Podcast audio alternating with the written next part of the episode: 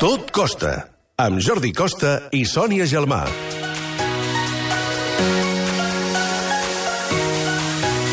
La Masia no es toca.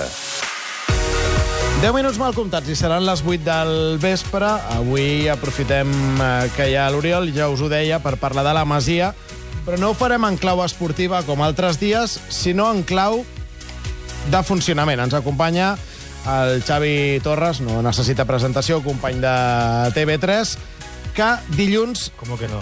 Todo, todo personaje que llega necesita presentación.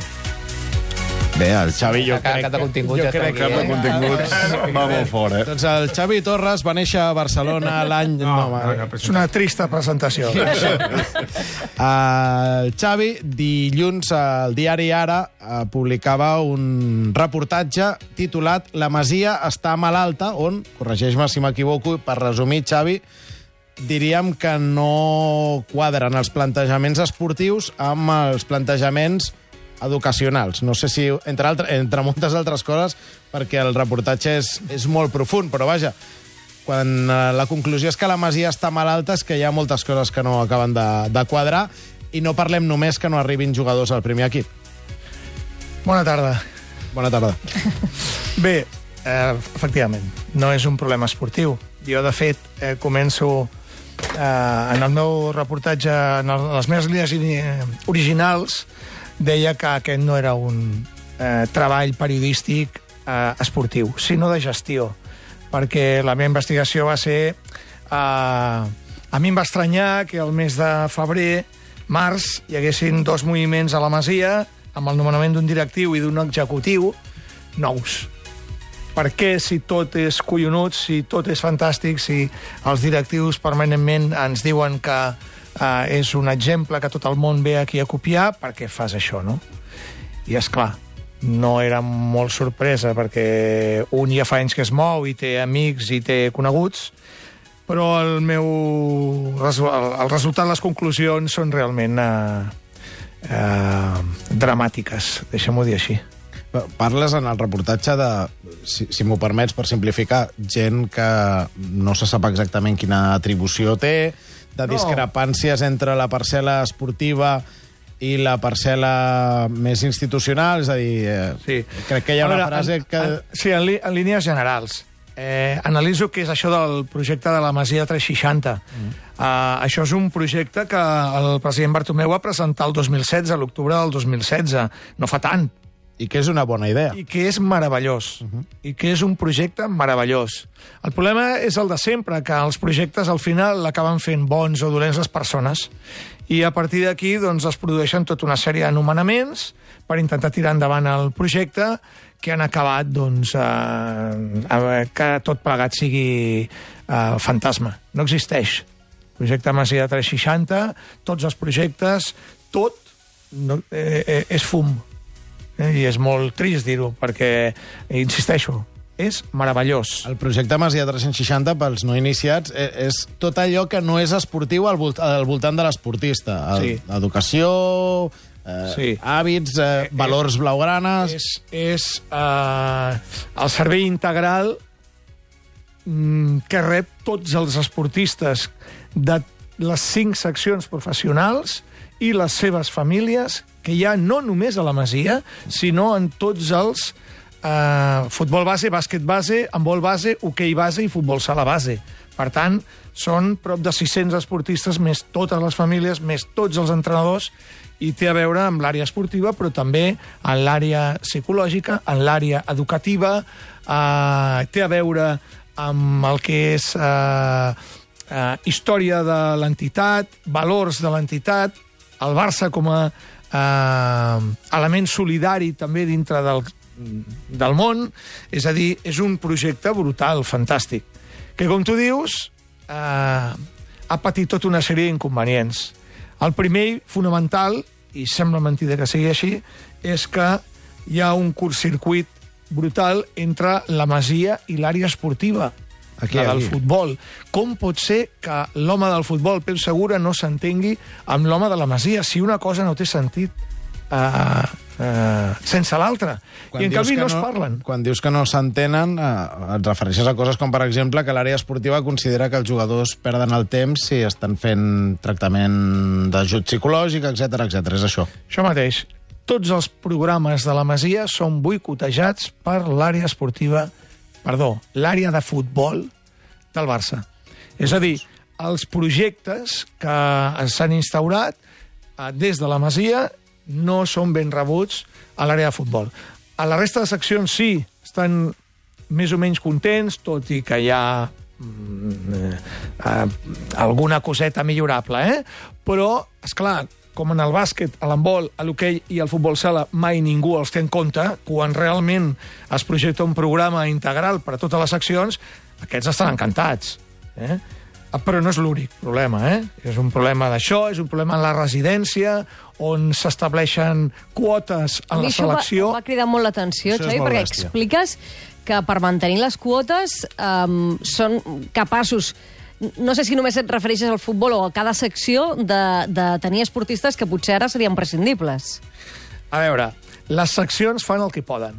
Aproximadament el 65% de les places de la residència, eh, 74 places estan ocupades actualment, el 65% són futbolistes. Uh les quotes van més o menys un 20% pel bàsquet, un 6% per l'handbol, un 5% pel futbol sala i un 4% per l'hoquei. Què passa? Si jo tinc ocupats aquestes 65...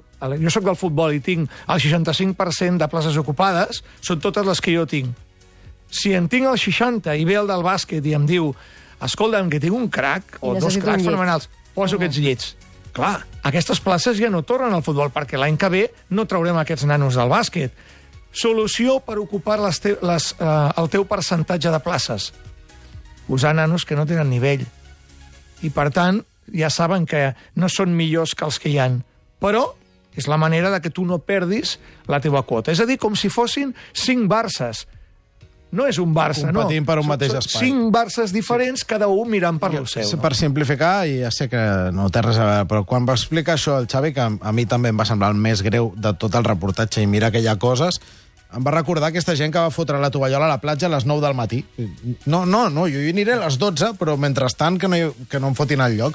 Home, no té sentit que la Masia tingui suplents i cedits.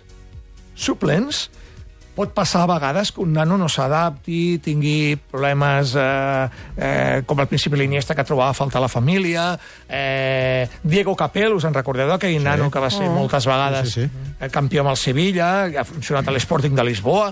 Bé, crec que encara juga. Eh, no es va adaptar. Era un bon fitxatge, que no es va adaptar, va haver de marxar.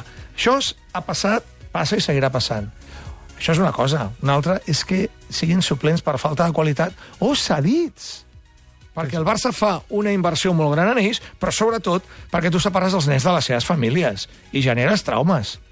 Que en l'àrea esportiva pots segurament tirar enrere, no el poses al torno, però en l'àrea personal jo crec que no és de rebut. El que em sembla més preocupant és que l'escenari que dibuixa el Xavi per aquestes discrepàncies, per aquestes disfuncions, no, no sembla fàcil de resoldre, tot i aquest canvi de, de gent que se n'ocupa. Fa poc el directiu Xavi Vilajoana i també el, el Xavi Martín, que és el, el cap executiu de, de la Masia. Sí. Deixa'm dir una cosa, que, que, o dues. Sí, sí. La primera és eh, un altre greu eh, hàndicap que hi ha a la masia actual, i és el menjar. És bèstia. És molt bèstia sí, que sí. una residència d'esportistes no doni el, el nivell mínim adequat en el menjar. Atenció, i és tan bèstia que el Barça obrirà a concurs aquest estiu la concessió del servei perquè no... És, és, eh, i, I no és un problema de l'empresa Sodexo, que és qui uh -huh. eh, té subcontractat el Barça. És un problema del Barça, perquè aquesta mateixa empresa ofereix el càtering al primer equip del futbol.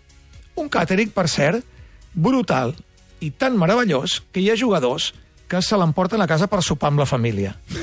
Aleshores és una qüestió de pressupost. És una qüestió de pressupost, de dir, al primer equip jo inverteixo tots aquests diners, però a la Masia feu-me, diríem, la versió B, C o D del preu. Clar, El menú 3. menú 3. Eh? Això, Perdoneu-me, però no és de rebut. I l'altra qüestió és, no hi ha ni una noia a la Masia. Això em va, em va flipar, també. No, és que no, no ho hauria dit mai. S'està invertint i s'està traient pit d'això, crec que el Barça s'ha de fer mirar Eh, Quantes Deixa'm dir en aquest sentit que una de les promeses electorals de Josep Maria Bartomeu era crear secció femenina de cadascuna de les seccions. I això, de moment, que jo sàpiga, no s'està portant a terme, excepte en el cas del futbol, també en el cas del ha, però no en totes les seccions, perquè, entre altres coses, hi ha un dèficit després de camps. És a dir, tu eh, tens la idea, però després has de saber com ho portes a terme, allò. Sí. I l'última cosa que m'agradaria parlar i és una miqueta el que deies tu, no? Uh, hi ha un altre hàndicap molt bèstia, que és els programes els han de portar persones qualificades. No podem... Jo sóc incapaç de portar aquest programa que portes tu, perquè no, sóc incapaç. no- no et pensis, No estic eh? qualificat. Cadascú ha d'estar en el seu lloc, no? Clar, el que no, no té gaire sentit és, per exemple, que eh, Albert Soler, que és el responsable de les seccions professionals, eh, agafi els entrenadors que ell fa fora, entra, ex-entrenador d'hoquei, ex-entrenador de futbol sala, ex-entrenador del femení, i els posi a la Masia a conduir programes en el que es necessita una formació i una motivació. És clar, eh, si no posem les persones adequades per fer una feina molt determinada i de molta sensibilitat, eh, una idea tan meravellosa com aquesta de la Masia acaba sent un bunyol. Dius, es corregirà? Uh, jo crec que el Barça, que el president se'n va donar fa un, mes, un parell de mesos de la situació de crisi que hi havia allà dintre, jo crec que el Barça ara actualment està fent un esforç mm, per trobar la manera de fer-ho. I jo crec, jo crec, amb el directiu Vilajoan, amb l'executiu Martín, que s'ha fet un primer pas i m'agradaria ser optimista. Per què no? Si ells internament estan dient que ho arreglaran, si ells eh, accepten tot el que s'ha dit en aquest reportatge, no toquen una coma, doncs jo crec que sí, que ho arreglaran, o que s'hi posaran. Jo sóc optimista, per què no? Doncs tant de bo ho arreglin. De moment, la Masia està malalta, el titular d'aquest magnífic reportatge que va publicar el Xavi Torres al Pensa, Jordi, que a l'octubre la Masia fa 40 anys. I el Barça ha Sembla que no previst a temps. eh. el Barça ha previst molts actes. Documental inclòs, llibre inclòs, reunió de futbolistes inclosos... És a dir, hi ha una cosa molt xula. Toca arribar als 40 anys refent una miqueta i tornar a l'essència del que va ser eh, l'edat d'or de la Masia. Doncs tant de bo aquests canvis que s'han introduït darrerament i aquesta percepció del president que les coses no van serveixin per redreçar la situació. Xavi, gràcies per venir eh, i moltíssimes felicitats per aquest tros de reportatge. Gràcies.